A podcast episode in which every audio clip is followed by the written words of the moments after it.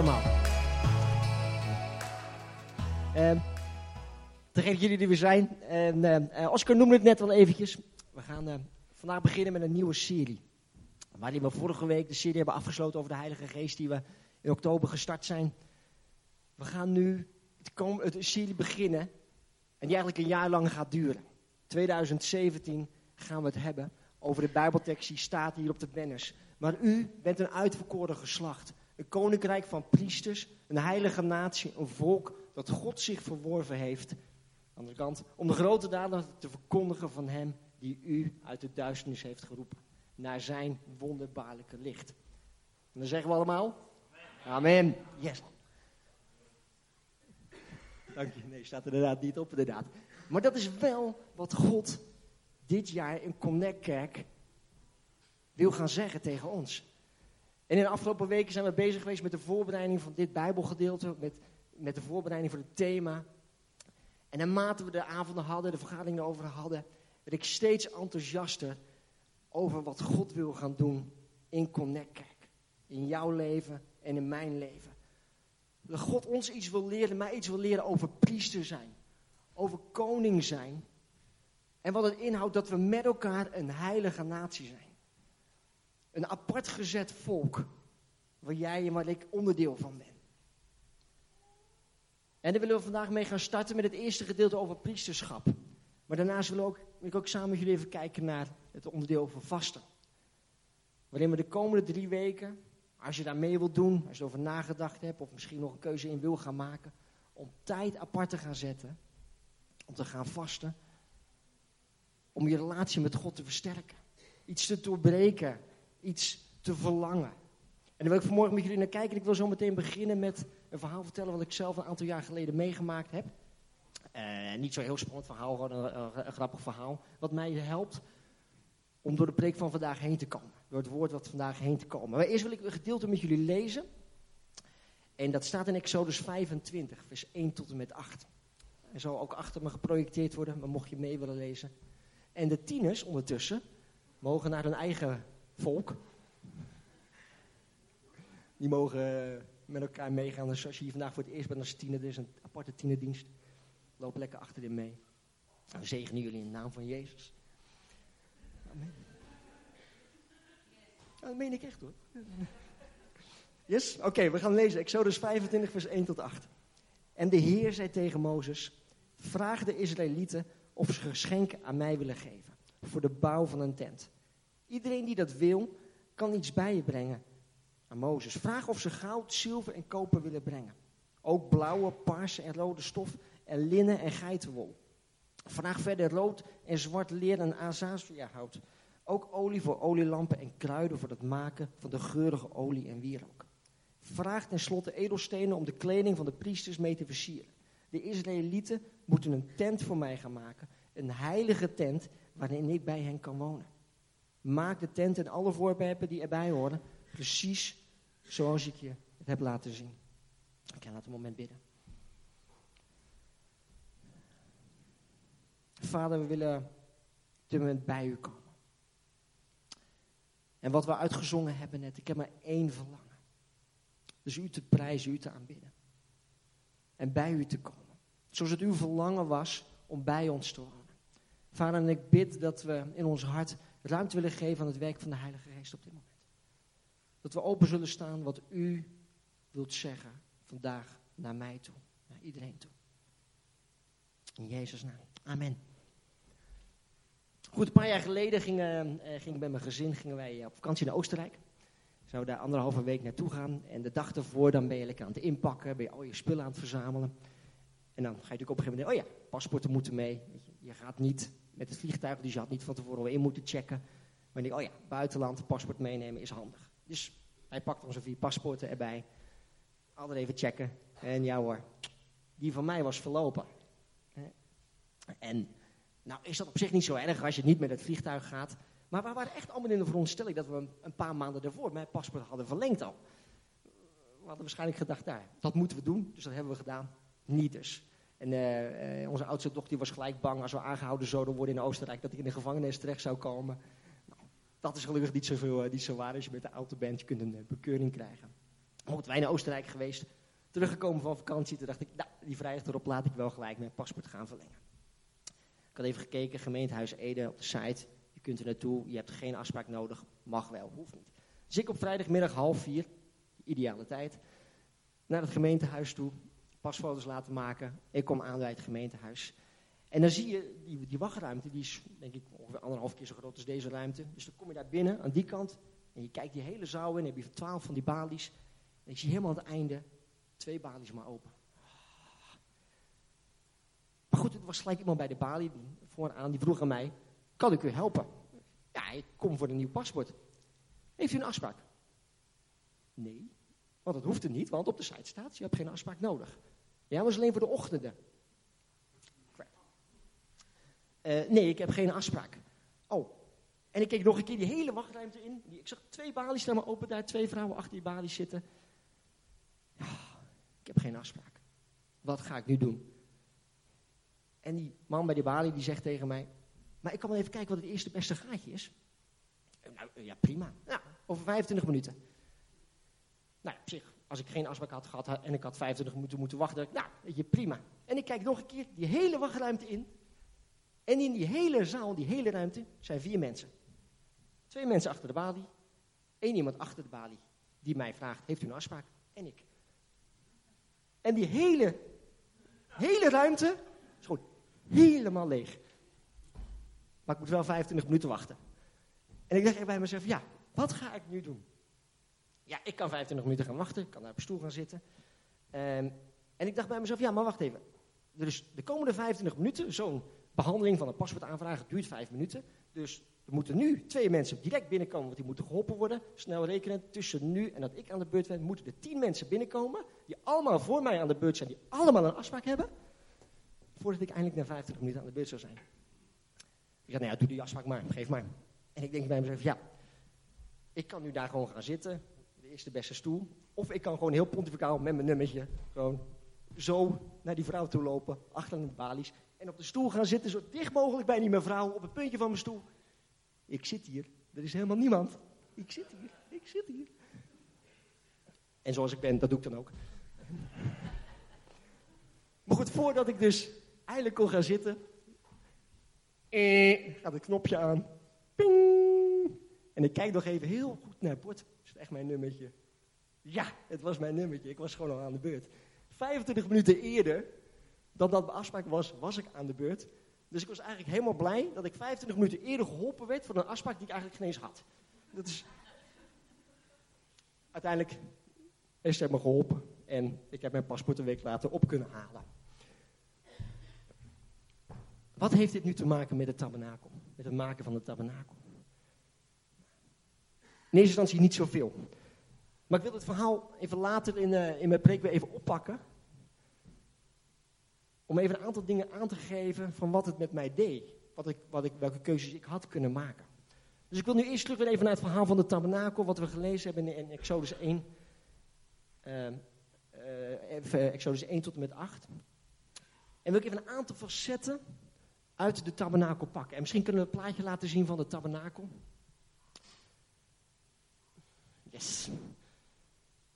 Dit is de tabernakel zoals God hem beschreven heeft in Exodus. En je moet je voorstellen dat het volk Israël had 400 jaar in de slavernij geleefd. In Egypte, onderdrukt. En het uitgeroepen naar God, waar bent u? Waar bent u? Help ons, bevrijd ons van deze slavernij.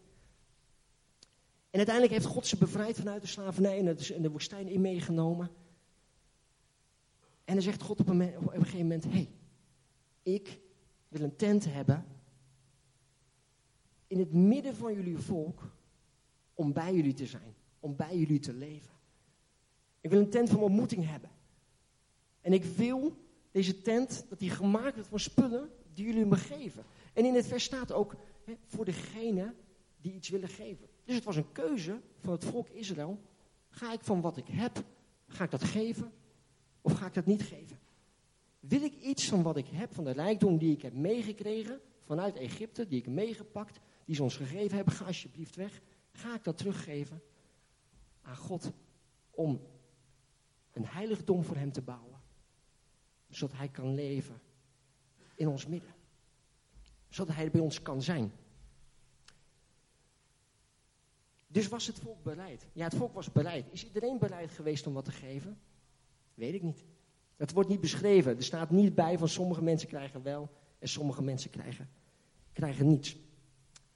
En als je naar het plaatje kijkt, zie je direct het eerste deel, ding wat er gemaakt is, wat daar staat, is het brandofferaltaar. En in de Bijbel wordt heel duidelijk beschreven hoe elk facet wat in het tabernakel staat, gemaakt moet worden. En het brandofferaltaar, en het woord heeft zich al gaat over offeren. En de priesters die deel mochten nemen, de priesters die werkten in het tabernakel, die waren degene die het brandoffer brachten. En het woord offeren in het Hebreeuws, en ik heb hem opgeschreven, want ik ben niet zo heel goed in het Hebreeuws, betekent karaf. En de betekenis van karaf in het Hebreeuws, de uitleg daarvan, is naderbij komen, is naderen. Dus God creëerde een brandofferaltaar, niet omdat het zo heerlijk vond om gewoon koeienvlees te ruiken, maar zijn doel was ermee om te offeren, zodat we naderbij konden komen. Karaf. Naderbij, dichterbij komen. Dus Gods verlangen is één, ik wil in jullie midden wonen. En twee, ik vind een manier zodat jullie dichterbij kunnen komen. Naderbij kunnen komen. De relatie met mij aan kunnen gaan. Uiteindelijk weten we wellicht wel dat het uiteindelijke brandofferaltaar, het grootste offer wat er gebracht is, is Jezus Christus. Dat Jezus voor ons aan het kruis is gestorven, zodat we altijd naderbij kunnen komen naar God. Dat we de ontmoeting met Hem kunnen hebben. Want dat is Gods verlangen geweest. Dus dat betekent niet meer dat wij, nou ja, we hebben vanmorgen Jeroen hier gezien, dat we Jeroen kunnen offeren als koe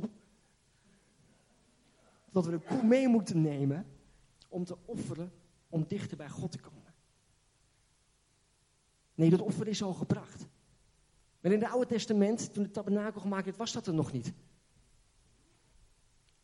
En creëerde God een andere manier, zodat het volk nader tot hem kon komen.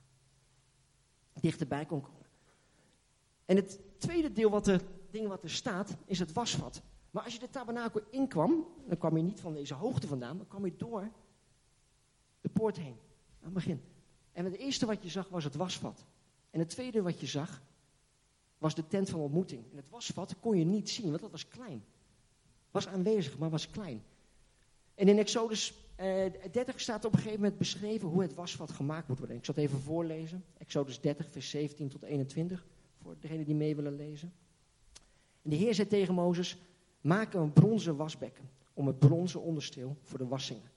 Zet het tussen de ontmoetingstent en het altaar en doe er water in. En met dit water moeten Aaron en zijn zonen hun handen en voeten wassen. Ze moeten dit doen voordat ze de ontmoetingstent binnengaan en anders zullen ze sterven. En ook wanneer ze dienst gaan doen bij het altaar en de Heer een offer brengen, moeten ze hun handen en voeten wassen. Anders zullen ze sterven. Deze bepaling blijft altijd van kracht voor Aaron en zijn nakomelingen voor alle generaties.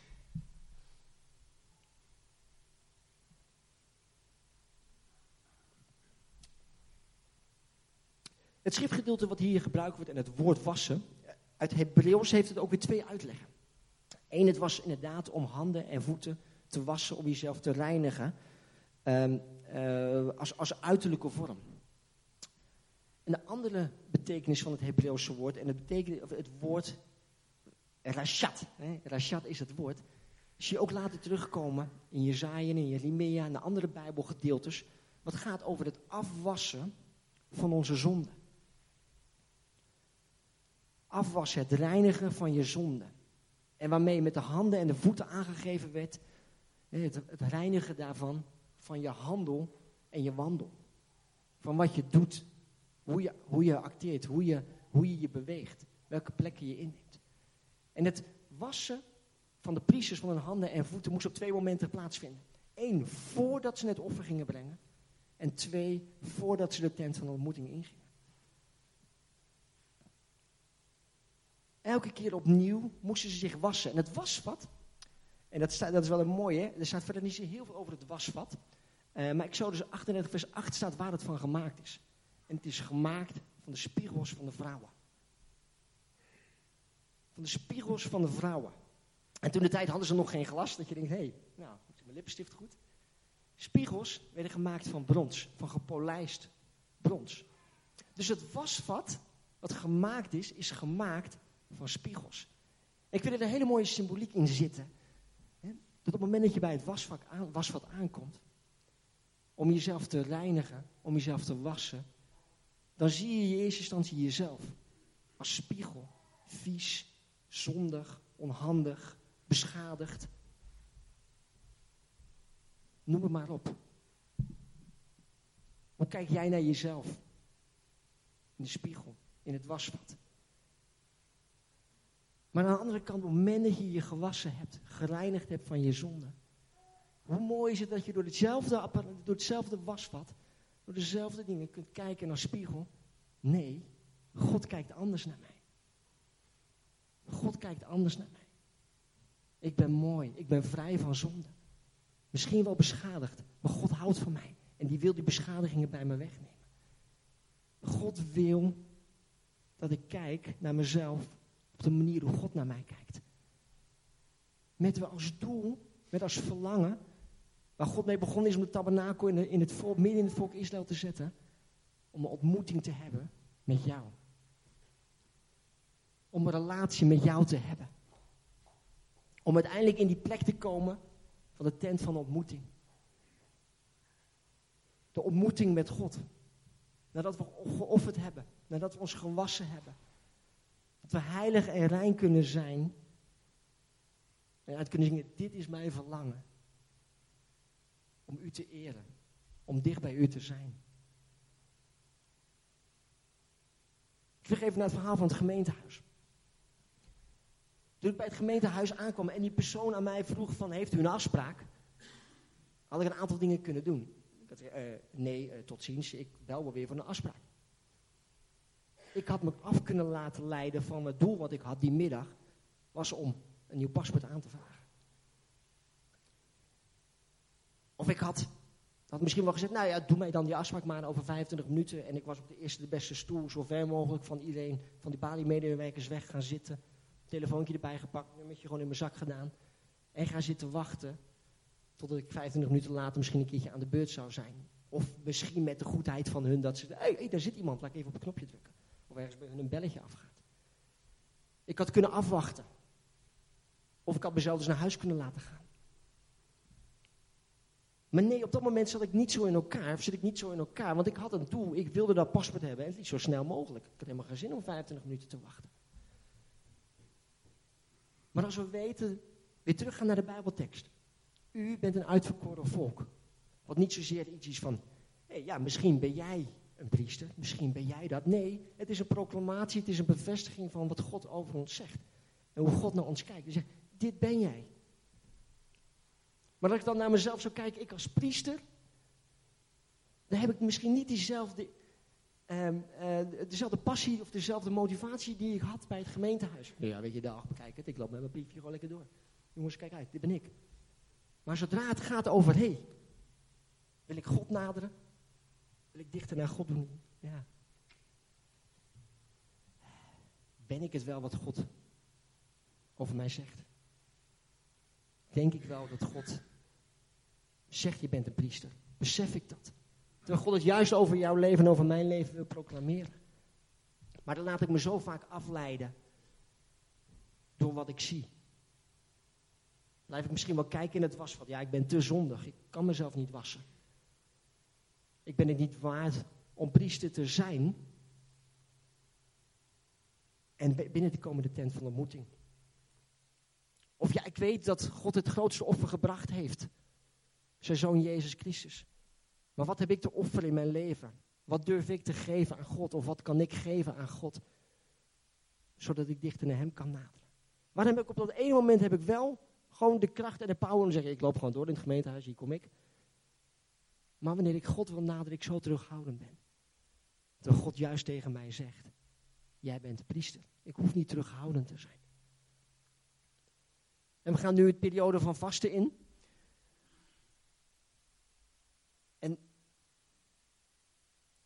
Vasten in de Bijbel komt natuurlijk heel vaak voor. Oscar noemde het al een aantal keer. Vanmorgen. Vasten is tijd apart zetten. Jezelf iets ontnemen om dichter bij God te komen. Om een ontmoeting te hebben met God. Een offer te geven in tijd, in eten, in drinken, in allerlei verschillende manieren. Misschien kun je het plaatje van, uh, uh, van het vasten laten zien, Mars. Er zijn veel verschillende manieren om te vasten. Maar in de Bijbel zien we zeker in de tijd van handelingen dat de apostelen gingen bidden en gingen vasten in de periode dat ze doorbraak zochten. Doorbraak zochten in hun eigen leven, of bevestiging zochten van Heer, wat is de volgende stap die wij moeten zetten? Het opgeven van iets, het offeren van iets in jouw leven. Wat leg jij op het brandofferaltaar? Wat durf je op het brandoffer altijd te leggen? En durf je opzij te zetten je eigen strubbelingen. Je eigen terughoudendheid. Maar te zoeken, Heer, hier ben ik. Ik wil uw heiligdom ingaan. Vast is een manier om, om aan God en onszelf te laten zien dat we onze relatie met Hem serieus nemen. Alles wat je tijdelijk kunt opgeven, drie weken lang, om dat ene doel te bereiken. En van de week had ik erover met een vriend, hey, wat ga jij doen? wat ga ik doen? En hadden het erover. Maar uiteindelijk maakt het niet zozeer uit wat je precies doet, maar met welke doorbraak je wilt zien in je leven. Voor de een kan het zijn, nee, ik drink alleen maar water. In plaats van dat ik ranja drink. Voor de ander zijn, kan het zijn, ik ga echt een dag niet eten en niet drinken om die tijd in te vullen. Om God op te zoeken. Ik ben een boek aan het lezen van Mike Bickle, dat gaat over gebed. En, en in een van die, in een van die stukken, stukken schrijft hij op een gegeven moment, in de eerste plaats is bidden een manier om gemeenschap te hebben met God. God weet namelijk al wat wij bidden. Wat wij moeten bidden of wat we, wat we gaan zeggen. Dat weet God al. Maar God wil graag dat we bidden, omdat hij wil dat we samen met hem optrekken in de noden die we hebben. In de verlangens die we hebben. In de, um, in de dankbaarheid die we hebben. Daar wil God dat we samen in optrekken. Hij en wij in te bidden. En ik wil er aan toevoegen dat vasten hetzelfde is. He? Vasten is in de eerste plaats een manier om gemeenschap te hebben met God. Een gemeenschap te hebben met God. Om die ontmoetingstent in te gaan. En ik wil jullie ook allemaal uitdagen. Vandaag, in de komende dagen. Om te gaan zoeken. Te gaan luisteren. De tijd te gaan nemen. Om God te gaan ontmoeten. Zoals God heeft gesproken voor Connect. Ik wil dat jullie dit jaar met dit thema aan de slag gaan. Omdat jullie priesters zijn. Omdat jullie koningen zijn. Omdat jullie een heilige natie zijn. Een apart gezet volk. Om mijn grote daden te gaan laten zien. Aan elkaar en aan anderen. Niet om te laten zien van, hé, hey, kijk wij. Nee, maar kijk hem. Kijk hoe groot God is. Kijk hoe groot God is. Van de God die zegt, ik wil in jullie midden leven. Die zegt, ik bouw mijn tent hier die we kunnen naderen, die we binnen kunnen lopen.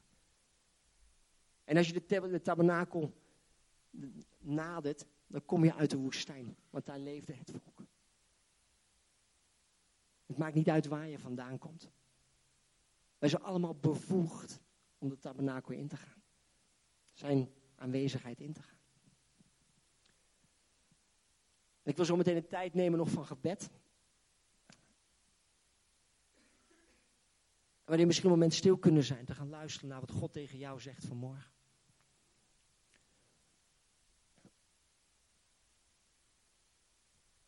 Want dat is Gods verlangen vandaag wel. Dat is mijn verlangen als ik me uitstrek naar God toe. Ik wil Hem ontmoeten. Ik wil Zijn grootheid zien.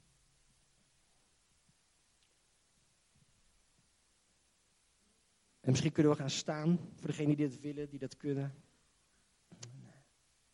En eh, het aanbiddingsteam zal naar voren komen.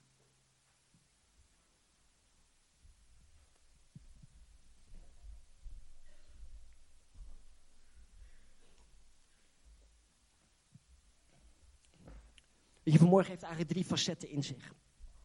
Eén, laat je niet ontmoedigen. Laat je niet ontmoedigen als je het brandofferaltaar ziet. Als je het wasvat ziet. Of als je de tent van ontmoeting ziet. Maar laat je bevestigen van hoe God naar jou kijkt.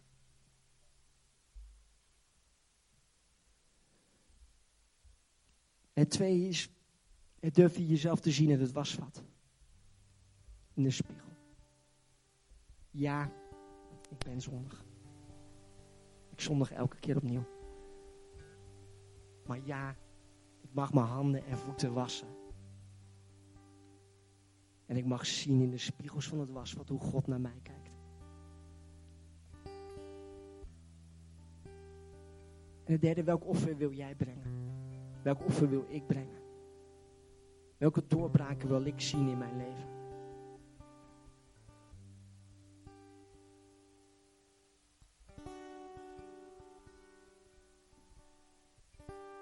Waarin wil ik God gaan ontmoeten de komende weken?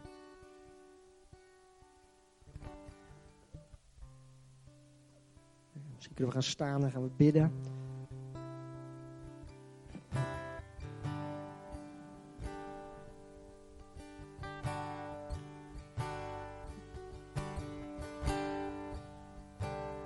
Ik wil bidden dat de Heilige Geest zijn werk doet op dit moment.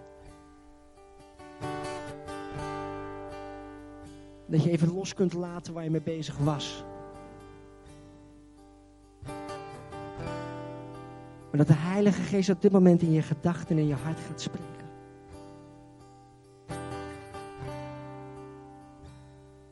Eén, om je te bemoedigen. Twee, om te bevestigen dat je vrij mag zijn. En drie, om je te inspireren wat jij kunt offeren.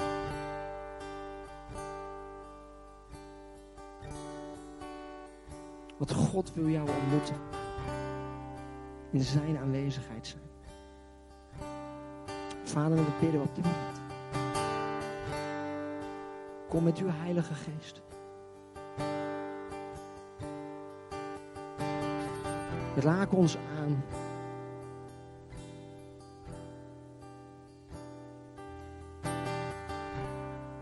Dat u wilt laten zien hoeveel u van ons houdt.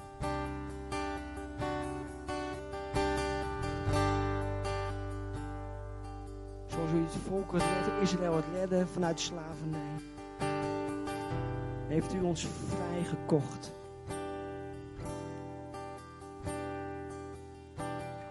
En mogen onze ketenen verbroken zijn door het grootste offer wat u gebracht heeft. Het offeren van uw zoon.